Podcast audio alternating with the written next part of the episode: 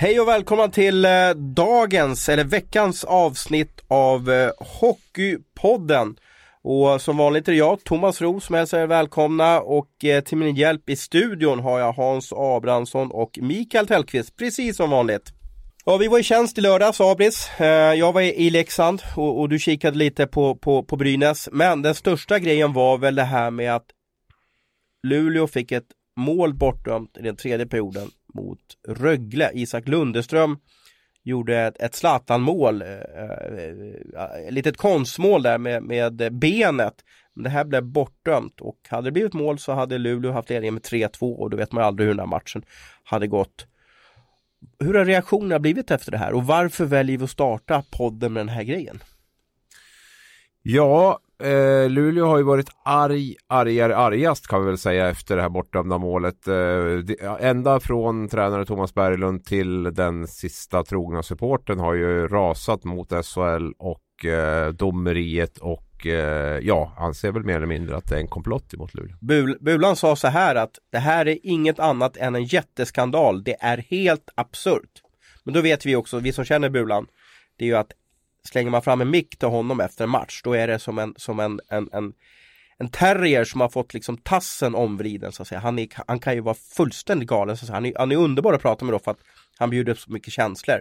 Är inte det här bara en, en, en jag menar alla lag drabbas väl av, av felaktiga, eller, eller som de kan uppfatta felaktiga domslut.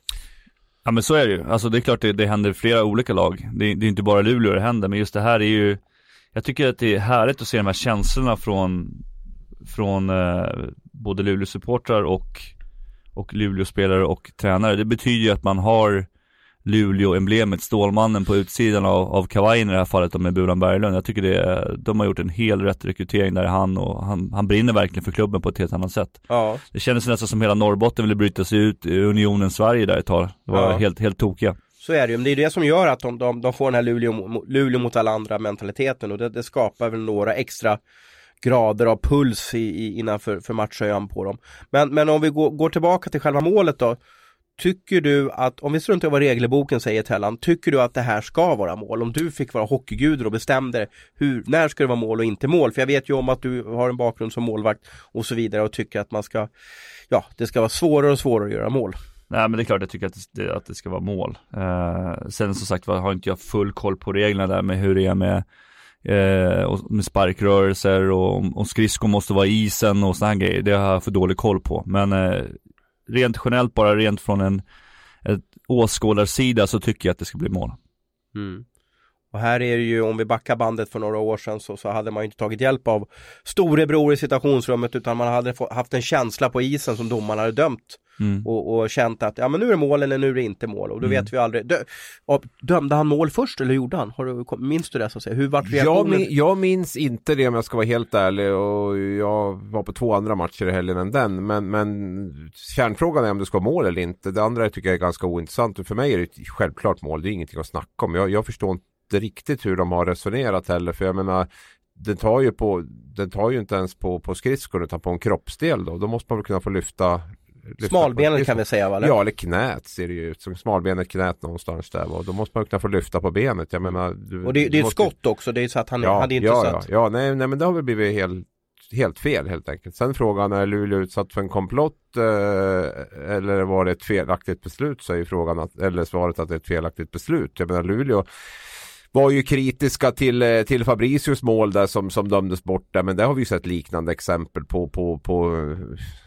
liknande mål som har dömts bort för andra lag också. Så det blir lite löjets skimmer tycker jag över den här. Eh, men, men, men man bygger ju upp en liten vi mot världen-känsla där uppe. Det har man ju alltid gjort Thomas. Det vet ju du också ja. de åren vi har jobbat här. Och jag kan ju tycka att det finns någonting bra i det också. Det är från ostens dagar så, så hade man ju när Luleå är som bäst. Det är ju då man bygger upp den här vi mot, vi mot världen-känslan. Man sätter en enorm press på domarna också. De kommer upp där nu också med, med alla grejer som händer och det som skrivs på Twitter och alltihopa. Så de domarna som kommer upp där måste vara, måste vara redo. Jag vet ju att Osten myntade de klassiska orden, det är väl 20 år sedan nu.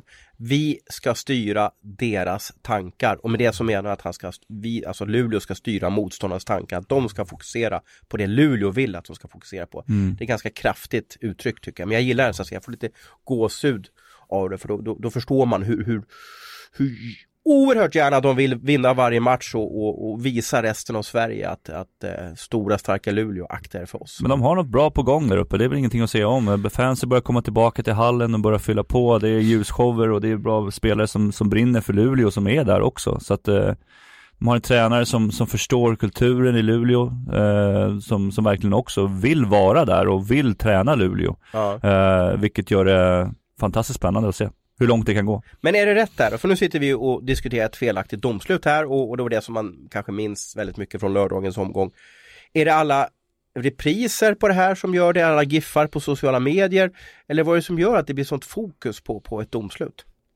Ja men det är ju att det spelas upp gång på gång. Det var ju det vi diskuterade efter i förra avsnittet här med, med hur det har utvecklats och där man kan eh, dra situationerna bild för bild. Man kan frysa liksom precis där pucken träffar hans Men ska eh, SHL vara snabbare efteråt och vara tydliga och säga vi gjorde fel Lite som NFL gjorde i, i Saints mot Rams här i, i Super Bowl semifinalen, eller semifinalen av NFL När de sa efteråt, vi gjorde fel. Jag tycker, man ska, jag tycker man ska vara snabbare och komma ut med en förklaring i alla fall Det kan jag tycka, nu, nu, nu kommer det säkert att komma något under dagen idag Men det är ju två dygn efter, efter händelsen inträffad och, och två dygn 2019 det är ju som två veckor 2003 höll jag på att säga. Det går ju så fort allting idag så att det, det, där bör de ju vara snabbare tycker jag behöver inte, alltså, då kan man gå ut och tala om att de har gjort misstag men jag tror viktig information är alltid viktigt så att oavsett om det är rätt eller fel så tror jag det är viktigt att de går ut och förklara varför det blev som det blev. Och det tycker man inte ska behöva ta två dygn. Nej. Och skydda domaren också som tar de här besluten också på isen som måste ta beslut på en gång. Det fanns ju, det kom ju också ut på Twitter en bild där det var, man såg att de kollade på fotboll i, i de här eh, disciplinnumret Det kan också. ju vara photoshoppad den bilden. Ja, och för sig, men nej, men eh, det var i alla fall kul att se.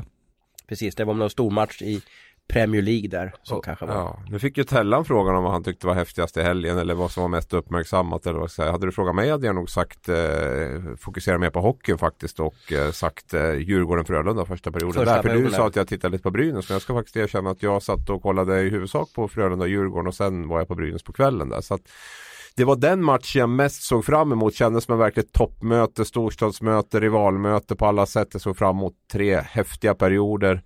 Eh, kände mig riktigt blåst på konfekten måste jag säga och då ska ingen skugga falla över Djurgården så för de, de gjorde väldigt bra första perioden men, men Frölunda Nej, riktigt jävla bedrövligt tycker jag faktiskt. Ja, vi kan komma tillbaka till jämna SHL. Innan vi släpper Luleå så fick vi en fråga av vår kollega på Expressen, Mr Maddock.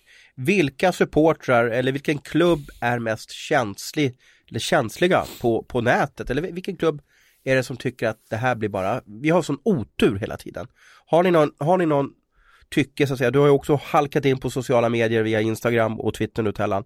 Vilken supportergrupp eller vilken lags supportrar eller fans eh, upplever att de är mest engagerade. Ja, det här är bara, det här är fel, det blir fel. Vi har otur hela tiden. Ja men sista veckan är det definitivt Luleå. Men sen innan har vi tyckt att som spelare så tyckte man alltid, ursäkta Abris, men att det var lite gnälligt att åka upp till, till, till Gävle och Brynäs. Det var gnäll på isen och gnäll runt omkring, det var funktionärer som som gnällde på, på saker och ting så att, uh, nej men då var det väl så. Uh, men samtidigt så är det väl typ av engagemang, men kommer man från en storstad så är man ju hatad var man än kommer tänkte jag säga. Så att uh, det är väl det, mer, mer spontana. Uh, sen kan man ju tycka att man, vissa andra lag ska ha mer engagemang. Men hur menar liksom. du att, alltså Brynäs-funktionärerna, var de, de var liksom så här, kommer Djurgården nu eller hur, hur var det menar du?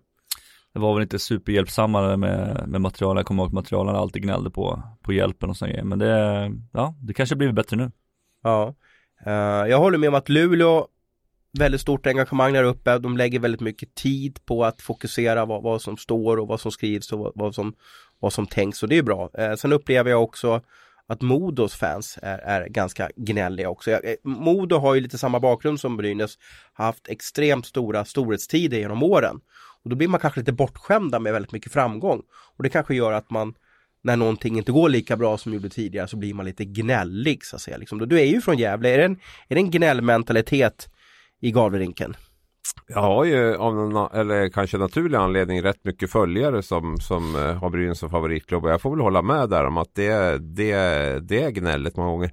Samtidigt så tycker jag det, oavsett om det gäller Brynäs, Djurgården, Luleå, Färjestad skulle jag också vilja räkna in det. Jag tycker det är underbart att det är ett engagemang runt klubbarna. Visst, det kan slå över någon gång ibland, men, men hellre det. Men tänk att vara en klubb där ingen riktigt bryr sig. Mm.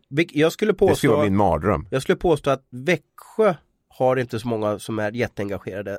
Vad man än skriver eller vad som tycks eller vad som händer om Växjö så tycker jag aldrig att det blir någon typ av bass runt det hela.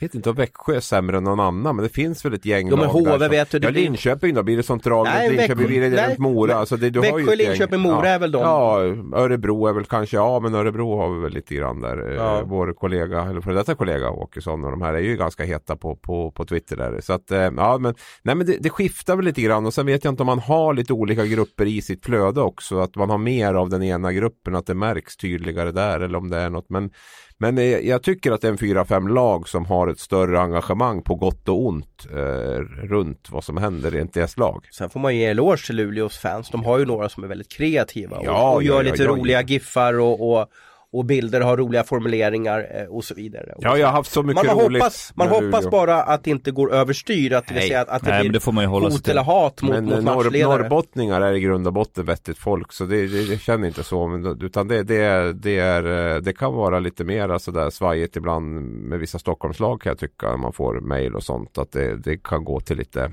överdrifter. Det har jag aldrig upplevt så från Luleå. Utan det är väl mer kanske att man skriker ut sin frustration ungefär. Lite grann mot, mot eh, makten. Jag har faktiskt varit uppe på en match där, jag säger bara i norr nu så att säga och då, då var- var jag på arenan tidigt och då kom det fram en supporter och skulle räkna hur många fingrar jag hade. Oj. Ja, då, och då, då hade han hört, det var en han kan, jag- kan jag, Han har bara druckit vatten också att va? jag hade sex fingrar. Det vill säga Okej. att, att jag var någon typ av missbildad person. Jaha. Men det är också ett... Ja, det är viktigt att vara ute på arenan och Ja. slå hål på de där myterna. Ja, som- verkligen. som se men, men kan ni tänka er, jag står här på, på läktaren i den här arenan, ska inte säga. Den har du Och så- aldrig berättat för nej, mig. Och så, kommer, och så kommer det fram en person och jag tror ju liksom vi ska säga hej och jag känner ju inte igen honom och så, här. och så bara räkna hur många fingrar jag hade. Så, liksom. Ja, ja.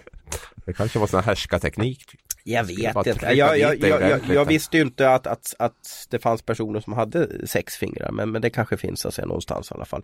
Så att, och det är väl också en typ av engagemang att, de, de, Mm. de, att han var så påslagen i hela hockeyn så att han kunde gå fram till en journalist och kolla hur många fingrar den har. Det, det är ju också på något sätt liksom, nu, nu gick väl det, jag vart ju li- lite orolig där, vad, vad, vad sker sen så att säga. Och vi hade ju också en incident där i någon arena när en, en lokaljournalist gick framför en supportergrupp och han blev väl Fick ju massa skit på sig och papper och muggar och allting och han valde väl anmäla det här vidare så att säga och då vart det att de gjorde om hur, hur journalister gick i hallen bara för att liksom göra en säker arbetsmiljö. Mm. Vad säger man? Är det värsta du varit med om Tellan med, med en motståndar supportergruppering eller din egen gruppering? När, när, när har du känt att det har känslorna som vi älskar gått överstyr? Man har väl fått en och annan öl över sig. Jag kommer ihåg när vi spelade i gamla Karlstad arena där. Eh, Färjestad ishall. Färjestad ishall, precis. Var det ju lite trängre liksom när man skulle gå ut och då haglade det alltid ner saker. Man fick lite Slängde de ölsmak. inte in uh, sittdynorna där också? Sitt, men det gjorde man ju på de flesta arenor förr i tiden. Ja. Det var så här klassiskt, man tänker tillbaka till alla slängde in sittdynorna med den här klassiska hymnen i slutet av, av matcherna. Ding, ja, precis. får lägga in den här nu, va? Men du, eh, men du, eh, det där med sittdyna måste ju vara farligt för er. Nu hade ju du, du hade ju helvisir och allting men jag kan tänka mig Ja, någon, men så hårda är väl inte de. Jag tänker ja, på det lite med. kanter kanske i alla fall. Mynt. I ögat möjligtvis. Mm. Mynt har man ju fått kastat på sig liksom och såna grejer. Men sånt där var värre förr. Det var länge sedan man såg en snusdosa på Det isen. är ingen som har pengar längre. Det går inte att skicka Nej, men swish, snus, snus. swish någon i Ingen huvudet. snus heller längre, det är Nej. på portion nu va? Ja. Men du fick en öl, alltså när du satt i båset eller, eller, eller, eller Nej, det kom ju kastandes när man skulle gå in i, liksom, i själva liksom, omklädningsrummet så kom det kastandes rakt över liksom. Svarade du någonting då? Eller gjorde du som Kennedy och fångade den eller hur? Nej, jag hade inte samma teknik som Kennedy. Ja, det det. Där var klockrent. Ja, underbart. Eh, vi går vidare i programmet och eh, vi stannar väl till i eh, din hemkommun Abris Brynäs. Vad är det som händer? Det känns som att man har rensat ut precis allt som har att göra med för detta sportchefen Stefan Bengtzén. Vad, vad var det som skedde för några dagar sedan uppe i Gävle? Eh, ja, jag tror att du syftar på att eh, vi berättade att eh, Brynäs byter målvaktstränare från Anders Palm då som eh, kom för ett år sedan och skrev ett treårskontrakt till Kristoffer Heino Lindberg. En gammal SHL-profil målvakt där som, som nu ska satsa på en karriär som eh, målvaktstränare. Och varför sitter vi och pratar om en, eh, om en målvaktstränare i Brynäs då? Ja, Den viktigaste tränaren i laget tror Är jag. det så, eller? Det är väl alltid. Är, Vad är en bra målvaktstränare då Tellan? En bra målvaktstränare är ett bollplank för en målvakt. Du menar lite mentalt? Ja och- precis, och sådana grejer, speciellt på seniornivå. Sen, sen måste ju den här målvaktstränaren även vara väldigt engagerad i juniorverksamheten och det är väl det, och jag förstod det som, som det har brustit lite grann med, med, med Palm då i, i Gävle. Är det ett bra beslut då, av Brynäs det här av Abris? Eh, jag måste svara att jag inte vet på den frågan riktigt. Jag, jag kan ju konstatera att sedan Magnus Sundqvist tog över Brynäs så har ju Brynäs målvakter bäst räddningsprocent av alla lag i hela SHL. Eh, 92-96 räknar jag ut att Jaha. de har. eh, sen- Även, men sen- HV sen- måste ju ligga oerhört högt på det här. Ja, men Brynäs ligger etta i alla fall. De har bäst räddningsprocent av alla. Och det tyder väl ändå på att eh, Anders Palm har gjort någonting, eh, någonting bra. Sen eh, som Tellan var inne på, det är en helhetslösning med juniorer och eh, annat också där. Och om nu Brynäs inte har anser att det har fungerat så, så, så har de ju sin fulla rätt att bryta. Det jag vill komma till att jag tjatar, jag tycker ju om det här med kontinuitet och jag tycker att det här med icke-kontinuitet ställer till det väldigt mycket. När Stefan Bengtzén tog över Brynäs så var ju han missnöjd med i princip allt som Micke Sundlöv hade plockat ihop i det där laget och skulle ju göra om rätt rejält där och nu har han gjort om och nu får han försvinna och då ska man göra om igen och plocka bort allt som Stefan Bengtzén har tagit in för då är man inte nöjd med det. Och jag menar att här tappar man ju fart i det man vill göra. Jag tycker att man tappar ett, två år varje gång man gör den här typen av grejer och det är det som är problemet. Vi har ju kollegor och, och allt möjligt som tycker att man ska sparka allt och alla så fort det inte går bra. Och att det, det löser ju problemet och så går det bra liksom den säsongen. Jag hävdar ju att det skadar en klubb enormt mycket när man hela tiden byter ut personal på viktiga positioner för att man tappar fart, man tappar mark i det man eh, vill genomföra på lång sikt. Och det här är ytterligare ett sådant exempel tycker jag.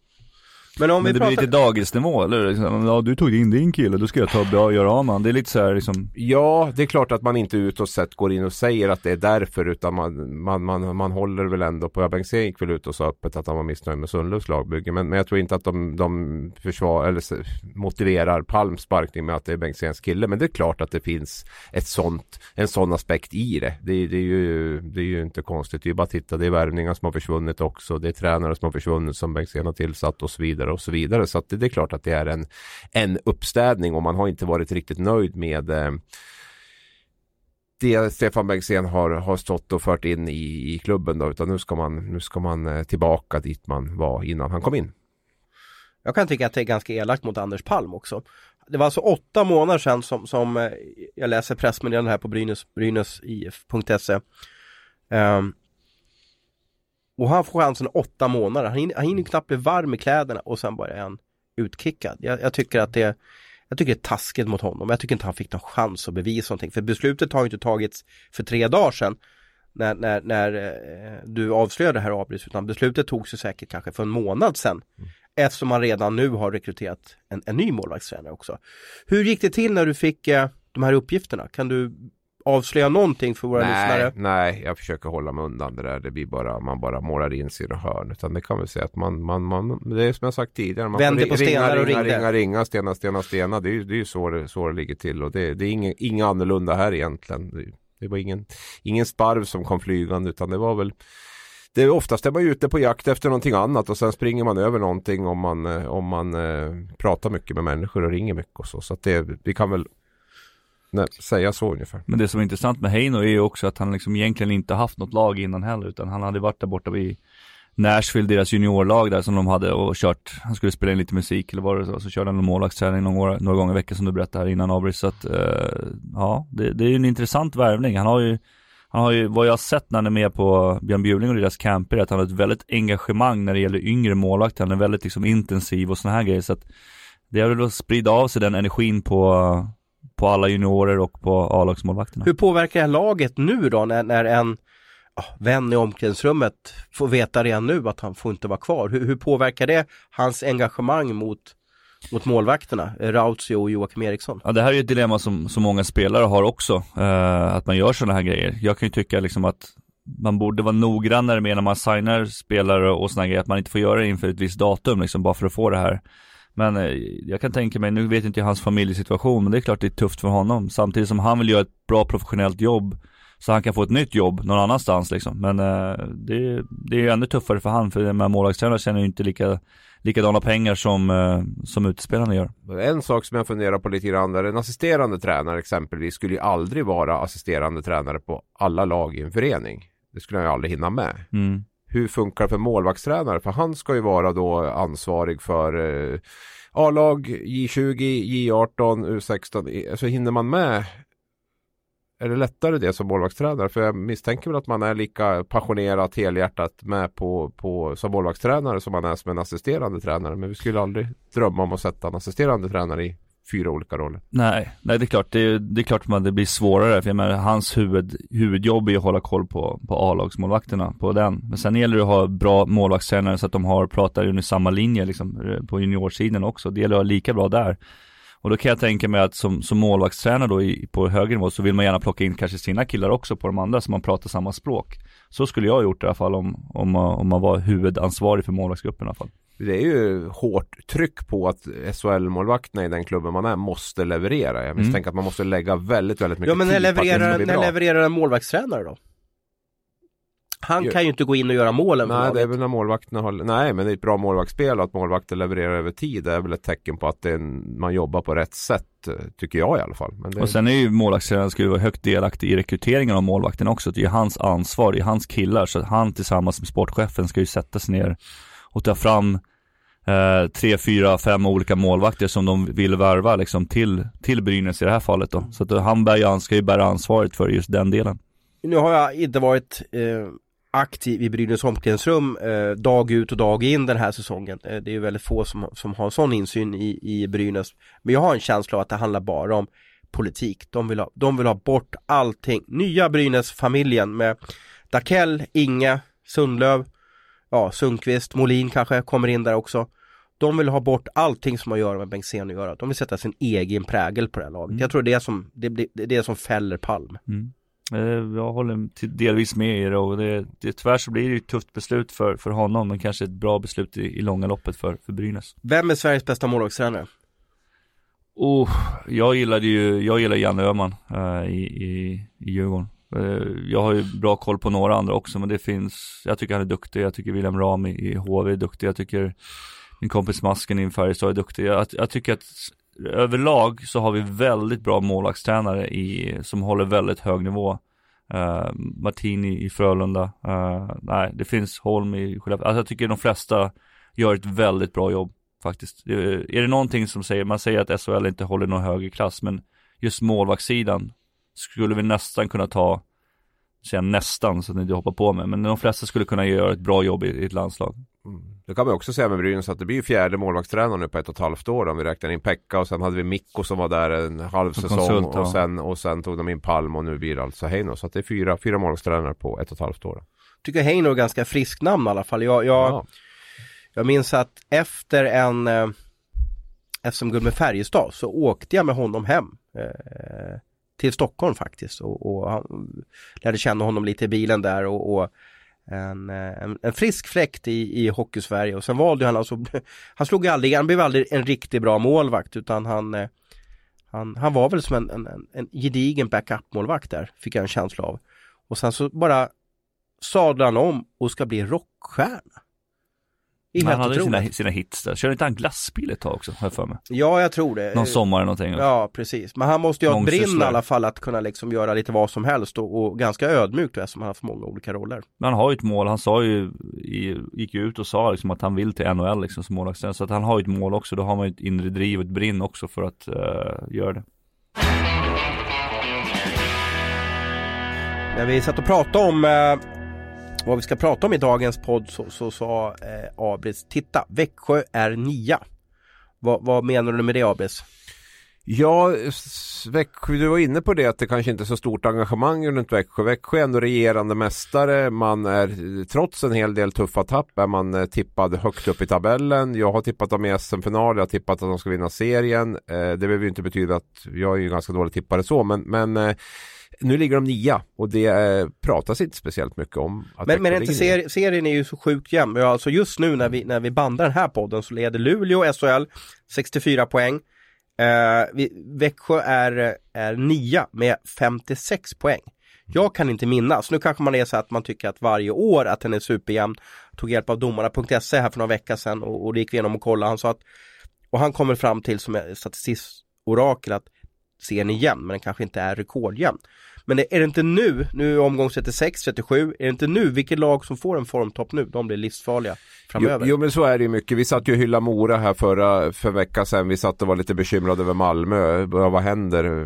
Mora åker på, på, på tre raka förluster och Malmö vinner tre raka matcher va. Eh, så att det är ju väldigt, och som säger, vinner Växjö tre raka här nu så, så ser det ju betydligt bättre ut. Men man är ju lite fundersam på om det här laget räcker det verkligen till SM-guld nu. Det, det, blir ju det blir otroligt viktiga veckor här framöver nu. Om, jag tror att Evertsson måste få in en eller två spelare till för, för att få ordning på det här. Det, det är ju för trubbigt tycker jag. Både liksom kedjes, det blir lite för lite mål. Man har relativt stort puckinnehav, man skjuter en hel del men, men eh, jag sitter på backsidan bara. Jag tror man har två backmål nu på de 13 senaste matcherna det är ju, man får ingen hjälp därifrån heller va. Och sen har man ett försvarsspel, en räddningsprocent också som är, eh, som är väldigt låg. Om man tittar på den här berömda PDO så är ju Växjö en katastrof liksom där med, med både effektiviteten i målskyttet och, och räddningsprocenten. Och det, är... Men om det släpper, om effektiviteten kommer? Jo, mm. men det är mycket. Det, det enda som Special Teams är rätt dåligt också. Så där. Det, det, det, är ungefär, det ligger på nivå ungefär där man ligger. Så att då har man le, har det legat där så länge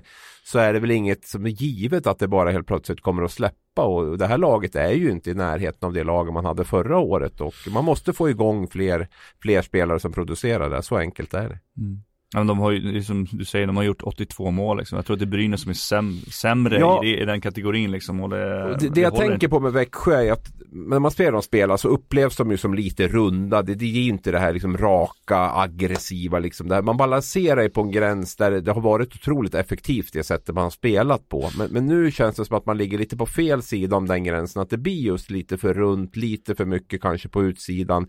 Inte, man får inget tryck i grejerna och det kan ju handla om att man, man saknar de spelartyperna. Att man har liksom ingen Elias Pettersson, Robert Rosén. Att det är för tufft att ersätta dem. Att det, jag är inte alls säker på att det går att hitta den typen av spelare de behöver ha heller eh, den här tiden på året. Så att vi, vi, vi får se det. Men jag tycker att det är eh, det är mycket som behöver bli bättre där för att man ska på allvar vara ett, eh, ett guldhot tycker jag. Ja. Kan det vara så att de börjar tröttna lite grann på rösten i omklädningsrummet också? Vad tror ni? Fast det är nya Sam spelare. Är duktig, ja. ja. Det är nya Sam är spelare. sjukt duktig men jag tänker på liksom de som har varit där ett tag. Det kan ju bli jävligt enformigt att höra samma grej om ja. dag ut och dag in och sådana grejer. Men vad innebär det? Att man inte taggar till ordentligt eller att det bara går in här och Det blir lite slentrian liksom kan det bli. Eh, som, om man får höra samma röst hela, hela, hela tiden och blir samma liksom hot och det är samma liksom uh, upplägg hela tiden och sådana grejer. Ja. Jag vet ju att, att Sam är otroligt skicklig så jag har inte med det. Det här är bara en, en frågeställning som man slänger ut här i rummet också. Kan det vara en sån grej liksom att man, man kör fast liksom, man får inte de här extra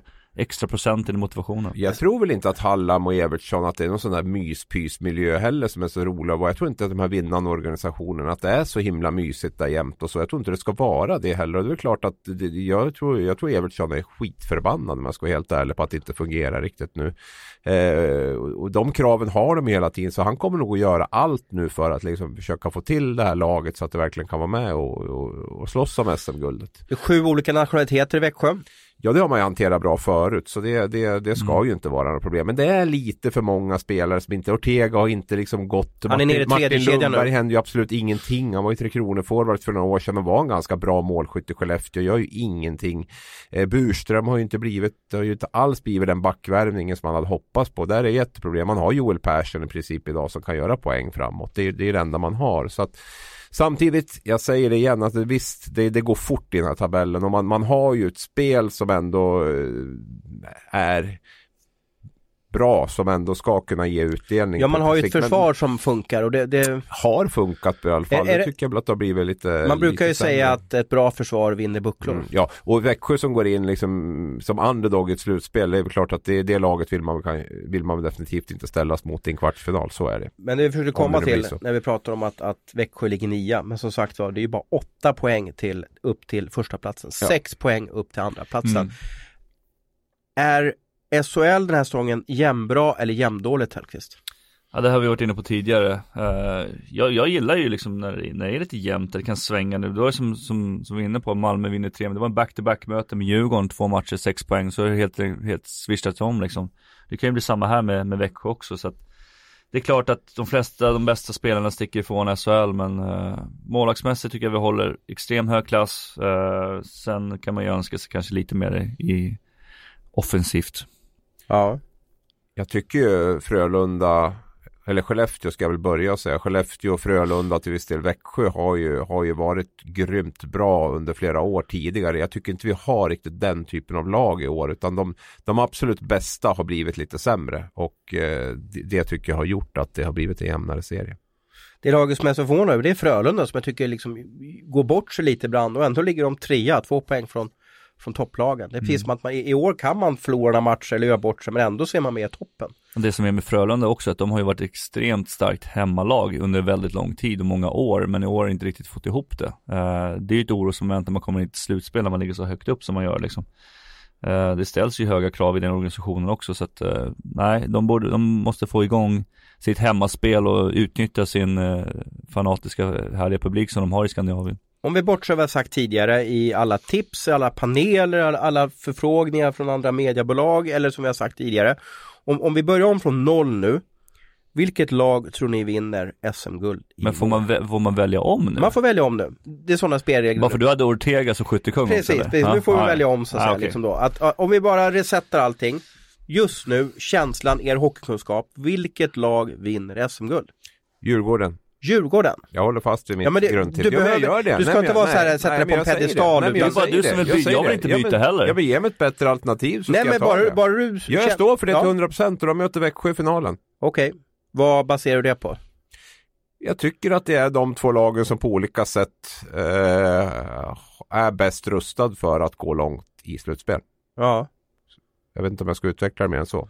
Nej, men du var ju lite kritisk mot Växjö att ja, de inte fick... Eh... Ja, ja. Det är jag. Men jag, tror, Djurgården, jag tror att man kommer att plocka Djurgården, in Växjö, Djurgården vinner SM-guld säger Hans Abrahamsson. Ja, absolut. Tellqvist? Jag håller fast med mitt, mitt bud också på, på HV. Jag tror att de har börjat ticka igång rejält sen i början. De är väl, tror jag, är bäst poängsnitt tror jag sen, sen eh, de hade den där svackan och bytte ja, sen, de, sen trä, HVs tränarbyte skojar man inte bort. Nej, det gör man inte. Vilka uh, möter, jag, de, jag, vilka möter de SM-final då? Jag tror det blir Djurgården. Okej. Okay. HV-Djurgården. En repris här på den klass, klassiska finalen, mm. var det 2011 där ja. Nu är det din tur ja. och... Eh, ja, ja, nu ska du vända kapp efter vinden. Vilka, hade du, vilka hade du tidigare? Tredje eller fjärde tror jag, jag tror han ändrat en gång redan. Så ja. blir... Alltså jag har ju alltid haft en känsla hela säsongen.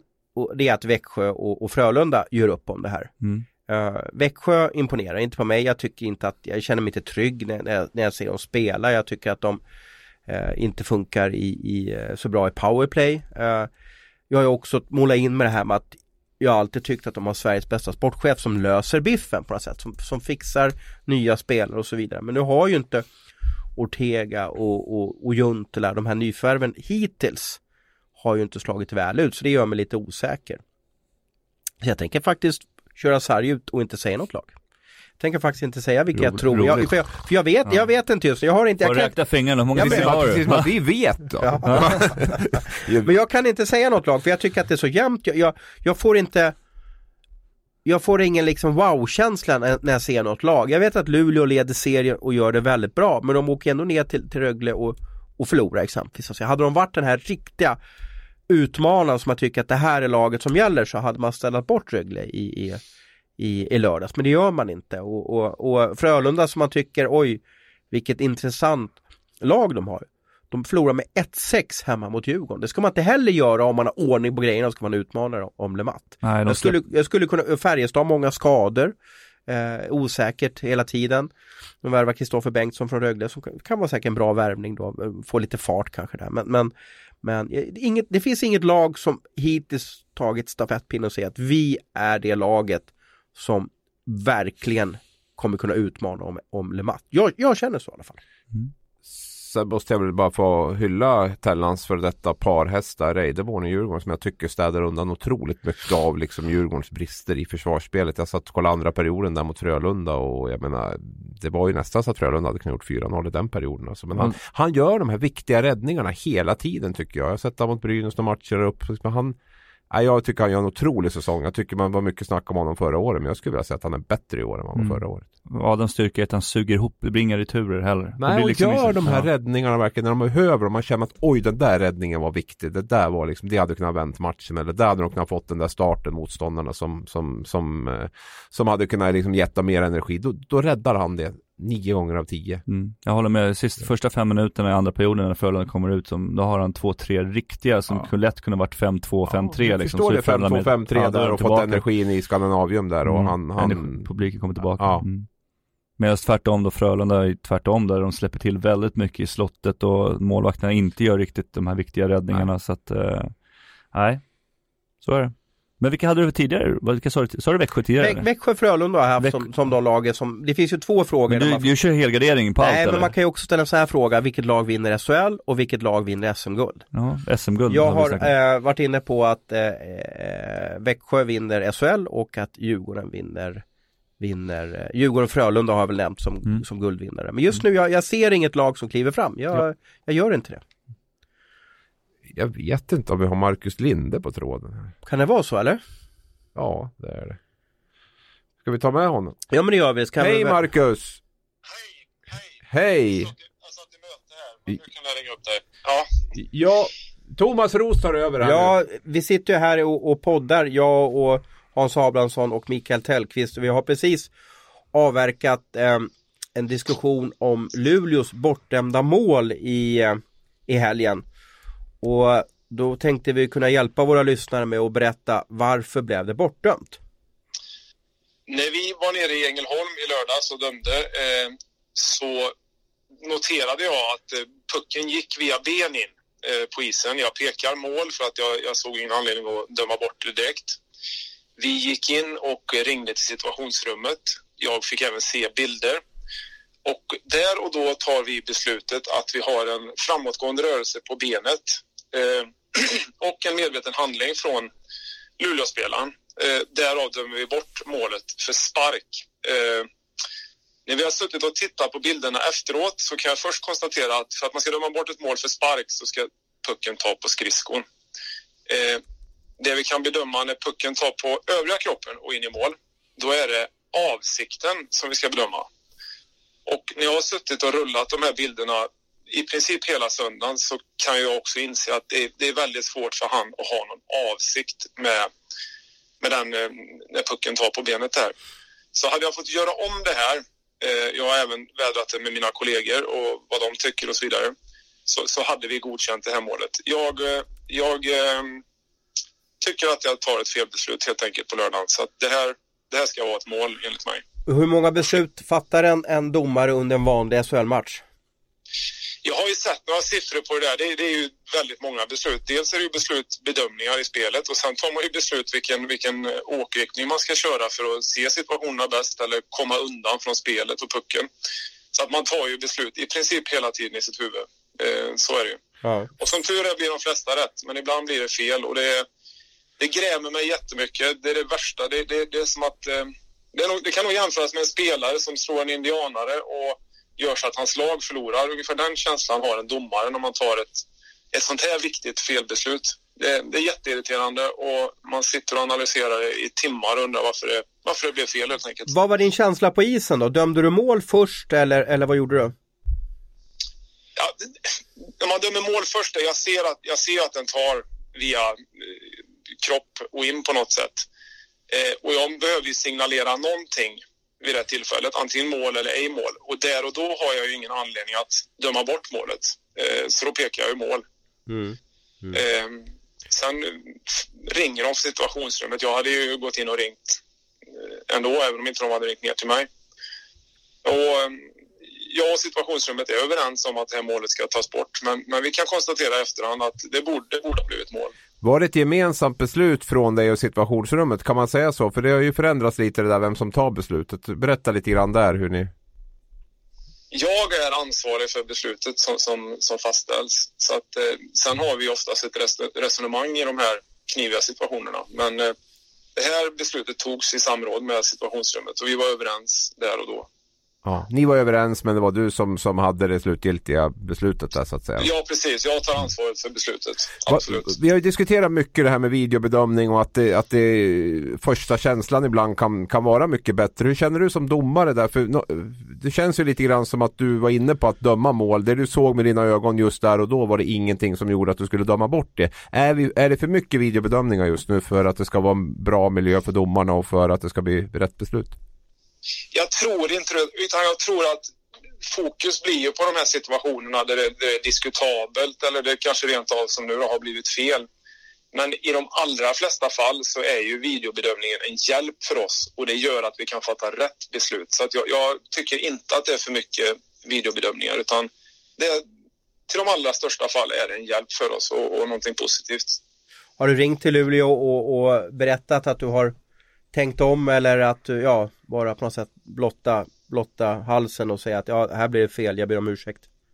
Ja, men via min chef, då han har ju kommunicerat med Luleå. Så att, eh, inte, jag har inte personligen varit i kontakt med, med Luleå, men min chef har varit det och jag har ju varit i kontakt med min chef så att säga. Men så tänk vad underbart att, att, att man ändå kan erkänna sina, sina fel och, och brister, att man inte är perfekt. Jo, men jag tror alltså det är så att många, många har den här bilden av oss domare att vi lever i en skyddad verkstad. Det får man ju ofta höra.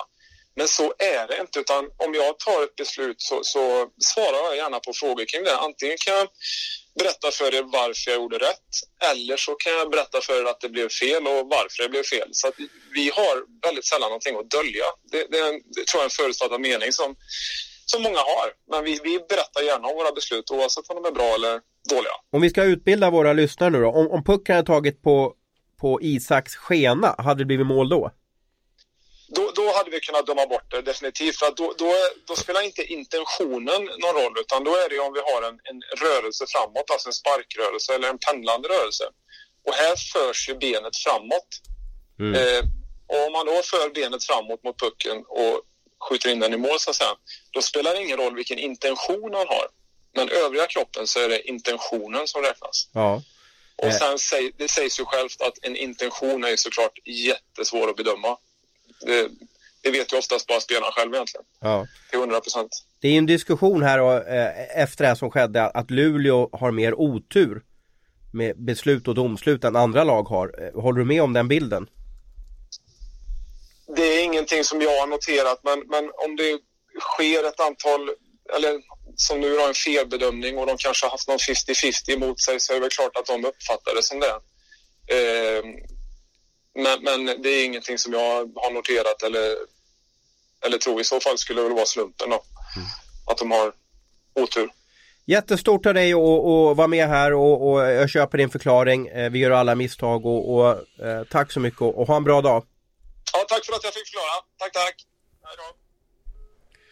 Ja men det var väl bra i alla fall. Jag, jag tycker att det är ju så man ska göra ut och bara berätta att, man, att det har blivit fel. Liksom. Det är ju det bästa kan jag tycka. Ja men det är klockrent. Att man går in och, och talar om verkligen att, eh, att, det är, att det är som det är liksom. För det, det är ju mänskligt att fela. Och det, jag menar, domarna är, har ju rätt att göra fel också. Och sen blir det tydligare. Det är som, som målvaktsspel, det är tydligare när en domare, målvakt eller någon annan gör fel liksom. Det syns så mycket mera. Uh, sen är det ju tråkigt. Det är väl att det blir som det blir. Men det får, den här förklaringen får väl alla Luleå-fans och alla köpa liksom. Att det, att det blir ett galet liksom. Sen är, sen är det ju konstigt när man väl går in, kan jag tycka, med, när de verkligen får se bilderna efterhand, att de inte kan ta beslut där och då. Uh, det tycker jag väl kanske är lite konstigt. Ja, för det innebär ju att situationsrummet plus en domare har, har tillsammans i alla fall, det är kanske fyra ögon eller till och med sex ögon som, som inte varit liksom riktigt vid sin sans där eller haft riktigt gjort en korrekt bedömning. Nej, och då har de ändå tid att gå ner och, och sakta ner eh, alltså själva momentet på filmen och alltihop också så att men det är, det är bra att han går ut och, och, talar om att det varit fel, det tycker jag är tycker Jag, jag tycker också det är nu bevis på att, ja men låt, döma, låt domarna döma lite på isen. Mm. Samtidigt också när alla reprisbilder bara ångar på, bara överöser oss om det går så, så, så, snabbt där ute att man inte hinner med att se att det, det var en sparkrörelse, ja det kan ju bli katastrof i, i en sjunde avgörande SM-final också. Det jag, jag, är, jag är lite dubbelsidig där, så jag vet inte sjutton hur, hur vi ska lösa det på smart sätt. Jag skulle vilja att domarna dömde mer på isen, samtidigt också om nu videobilder avgör att det är något felaktigt domslut som han hade kunnat fånga upp efteråt så är det ju tragiskt. Ja, nej, det är väl som man säger också att det är ju väldigt många domslut som, som tas rätt via situationsrum och eh, domare som, som det inte blir diskussioner runt. De som det blir är ju de här som är tveksamma eller direkt felaktiga och det är ju trots allt en ganska liten del av dem. Så att, men men jag, jag är också splittrad i det där men jag vet inte hur vi ska backa bandet riktigt. Jag vet inte hur vi ska liksom sluta visa giffar, hur vi ska, eh, hur Simon inte ska visa rätt bilder som de har och sånt. Jag, jag, det, det, det är tufft men lite färre situationer tycker jag som man ändå videogranskar. Gå lite mera på, vi har två skickliga huvuddomare förhoppningsvis på isen och låt dem ta besluten ihop med sina domarkollegor, linjedomarna där. Då är det dags för eh, quiz nummer sju i ordningen. Och om jag har nu fått ordning på allting står det alltså 4-2 till, eh, till eh, Hans Abrahamsson. Ja, chef Larsson smög förbi här utanför så att du måste få ordning på reglerna där. Jag vet inte vad han Ja, och vi ska på. uppdatera reglerna. Eh, vi, vi går helt på, på spåret just nu och då är det ju så att skulle då Hans Abrahamsson och Mikael Tellqvist svara på samma nivå eller fel, det får ni inte ens göra utan, utan har Abris dragit i, i sin livlina eller, eller skickat sitt sms som vi gör här med rätt svar eller vad man upplever är rätt svar då får den andra tävlanden inte svara på samma nivå. Utan, eh, utan då är det alltså nästa, han får den, den nivån som kommer under, den får han möjlighet att få poäng på. Så det, det är bara en ska få fem poäng, en ska få fyra poäng och hela vägen ner till en poäng. Idag är Hans Abrahamsson favorit kan jag säga. Oj. Om jag känner er så att säga som, som, som hockeykunnare. Då är det någon från före då. Före världskriget då. med andra ord. En gammal rackare. Är ni, eh, ska vi köra? Ja. Fem poäng. Eh, denna 35-åring riskerar att bli avstängd från all hockey under en längre tid när han skrev kontrakt med AHL 2005. Oj, nu vart eh, kapten Haddock stressad här. Det är jag som är kapten Haddock. Precis. Vi har fått ett svar från Hans Abrahamsson och det innebär, Då får jag inte, då får inte jag svara. då får inte du, har du tänkt svara eller? Ja, faktiskt. Då, var jag, då är jag oerhört missnöjd med mig själv för då har jag alltså gjort det för lätt. Det jag inte förstår med mitt svar är att det skulle vara lättare för mig för det här känns ju faktiskt som att det ska vara lättare för Tellan så jag kanske har fel. Ja fast jag tror den här spelaren, Ja. att Tellqvist har varit NHL under hans storhet, eller ja, bort, borta ett tag i alla fall. Mm. Ja, fyra poäng. Var med i OS i vintras för Tre Kronor. Flexibility is great. That's why there's yoga. Flexibility for your insurance coverage is great too. That's why there's United Healthcare Insurance Plans. Underwritten by Golden Rule Insurance Company, United Healthcare Insurance Plans offer flexible, budget friendly coverage for medical, vision, dental, and more. One of these plans may be right for you if you're, say, between jobs, coming off your parents' plan, turning a side hustle into a full hustle, or even missed open enrollment. Want more flexibility? Find out more about United Healthcare Insurance Plans at uh1.com.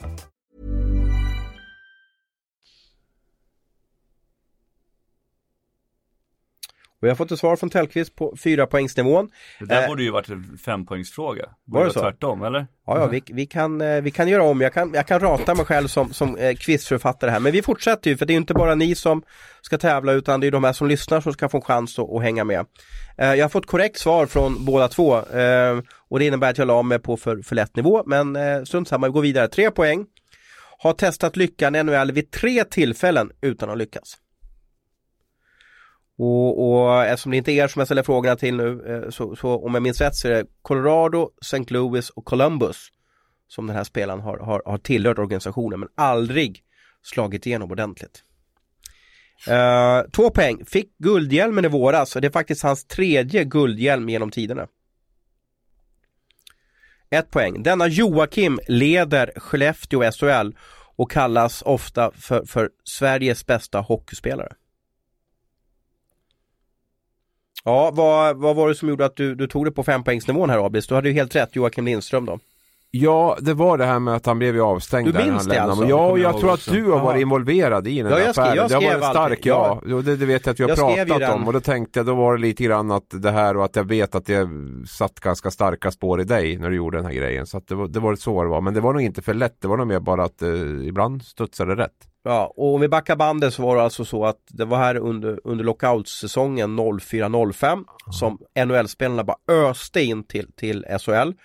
Eh, eh, de som kanske skulle ha spelat en andra kedja eller, eller andra backpar blev ju ratade till, till en, till en eh, fjärde kedja eller, eller fick sitta, trupperna blev ju liksom var ju liksom 30 personer i trupperna för man hade ju startat med en trupp och sen fylldes det på med massa NHL-spelare. Vad gjorde du under lockouten Tellan? Jag spelade borta. Du valde att vara kvar där borta? Mm. Mm. Djurgården fick ju hem två målvakter bland annat. Mm. Men visst har ni spelat ihop du och Jocke? Jajamän. Ja, så han måste ha varit i Phoenix. Arizona. ja. Arizona. Okej, han var i Phoenix också ja, alltså? Det var det jag tyckte också, för därför Arizona, kändes det som att det Columbus var och, eh, eh. Tellan-fråga med. Ja. Ja, ja jag tänkte mer som en inhemsk spelare och så vidare så att säga. Ja, Liksom då. ja. Men, men då var ju så att han, han var ju i Modo, eh, Modos organisation och de fick ju hem, eh, men det var Foppa och Highnote och, och allting till det här laget så han fick ju inte spela eh, Jocke Lindström.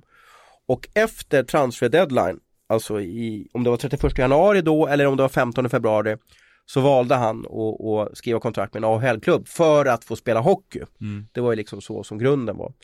Men, eh, men eh, Hockeyförbundet är ju ganska hårda där, man får ju inte lämna för NHL så sent så att säga. Det får inte, du har ju, tidigare har du svårt att göra det efter 15 augusti. Mm. Nu har ju det liksom lite förändrats lite med, med korttidskontrakt och så vidare. Va? Men, men eh, Svensk Hockey vill ju stänga av honom och göra honom till kanske eh, ettårsfall eller någonting sånt där. Liksom då. Men, men de lyckas inte riktigt Kommer inte ihåg varför han blev friad men, men eh, sen var han ju borta i Nordamerika några år och kom tillbaka och hade en fantastisk karriär i SHL. Det är ju där han har kanske blommat ut och varit som bäst. Då. Mm. Vad, vad, vad saknar han för lyckades i NHL? Jocke är nog lite grann som, om man ska jämföra våra karriärer, vi, vi, vi behöver nog vara ganska trygga eh, där vi är. Uh, ha någon typ av, av bas liksom. Eh, jag kommer ihåg mig själv, jag var väldigt beroende av att, att mina lagkamrater skulle tycka om mig. Jag tror Jocke lite grann likadant det där med liksom, Många trivas. klappar i ryggen alltså. Nej, det tror jag inte att han behöver. Men att, att, att ska trivas liksom med, med sin omgivning liksom. Att det ställs vissa, vissa krav men ändå liksom på en, på en bra nivå liksom.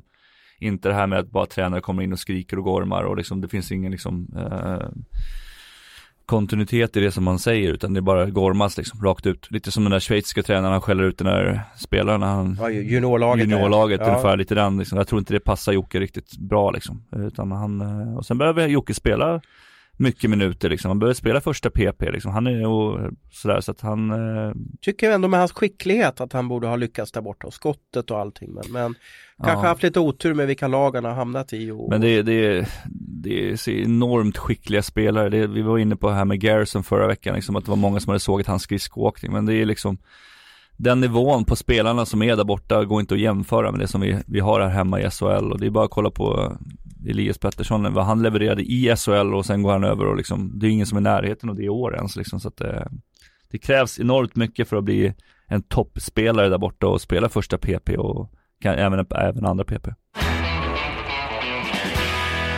Vi ska avrunda podden med, med några korta ord om eh, den show som var i Nordamerika i San Jose i helgen. NHL har ju en jättesatsning på en All-star-helg med eh, en uppvisningsmatch och mycket tekniktävlingar, skillstävlingar. Eh, ska vi ha det här jippot i svensk hockey? Nej. Varför inte då? Därför vi har provat det och det funkar inte svenska. Varför funkar det inte då? Jag, jag tror, jag vet att Djurgården har haft någon så här upps, upp, eller uppvisningsmatch mot NHL-stjärnor som kommer, eh, som finns i Stockholmsregionen. Folk gillar inte matcher där det inte är på riktigt. Vad tycker du Abres? Nej, ja, samtidigt tycker jag att de här eh, matchen i sig tycker inte jag är så jäkla intressant. Däremot skulle man ju försöka göra någonting med de här andra sakerna som de har där. Med de här tekniktävlingarna, snabbhetstävlingarna och, och, och bryta lite mark där. För själva match, eh, oavsett hur stora superstjärnor som spelar i den här All-Star-matchen så tycker jag det är helt ointressant ska jag helt ärligt. Däremot tycker jag det är kul att titta på de här eh, skills eh, eh, competition. Jag håller med dig till fullo. Jag var, på någon All-Star-match här för, för en tio år sedan. Då spelade de fem mot fem. Det var inga tacklingar. Det var så här, matchen slutade 13-10. Eh, och, och det var i stort sett jubel när det var spelarpresentation. Sen, sen under matchen så var det helt tyst. Men jag, det jag gillar nu, det jag såg i helgen här, deras skills competition med, det, med vad ny teknik kan, kan eh, göra. Jag menar för 10-15 år sedan, då sköt de ju på porslinstallrikar i målet. Mm. Idag så är det ju liksom tek- ja, teknik som, som liksom eh, Ja. som eh, ser till, ja, man kan mäta hastigheten mycket, mycket bättre och du kan kolla även eh, Eh, de här skott skotten och eh, så att skillstävling, jag tror att Ja. skulle vi lägga ner lika mycket energi, pengar och resurser som NHL gör på att ja, göra det kan vi ju inte göra. Nej det kan vi inte. Men, men om vi lägger ner en tiondel av det i alla fall. Nej, men gör Ja, det men riktigt inte liksom från det, grunden. det, det, inte, det får inte bli Nej, nej, nej, men en tiondel av de pengarna är mycket pengar här. Det skulle lätt gå att funka. Och det skulle vara häftigt att se liksom Joakim Nygård mot eh, Men Jägaren Fjällby. Ja, vem är förra snabbast? årets Jägaren Fjällby i alla fall. Vem är snabbast? Ja, alltså sådär runt. Vem skjuter hårdast? Jag tror ungarna skulle gilla det där skarpt. Men eh, Barn. som spelare då, gillar man eh, All-Star-grejer då eller tycker man det? Var du med på de här SHL All-Star? Ja, det var med faktiskt. Eh, Det var uppe i Luleå vet jag någon det sista första gång. som jag var på var en i, i Globen. Okej, Jag tror att det var nog första gången de körde den tror jag. okej. Men, eh, Men spela för guds skull inga matcher säger jag bara. Utan försök bygga någonting runt det, runt men det skulle man andra. inte kunna börja med det bara på att göra det på klubbnivå då? Och bjuda dit fans och sådana Jo, grejer och sen, och jo. sen tar man det därifrån i sånt fall liksom. Jo. Så man gör mer en jippogrej, man hänger med Ja, sponsorer jo och men det kan grejer. också vara en sak. Vem är snabbast i, i Luleå? Höll jag på att säga. Eller vem skjuter hårdast? Men det, det blir ett steg till där om man skulle kunna ta det på, på göra en dag där, där man hade det där. Jag tror, jag tror att det skulle attrahera det som är viktigt. Jag tror att det kunde attrahera yngre, eh, yngre publik faktiskt. Och det, det behövs ju.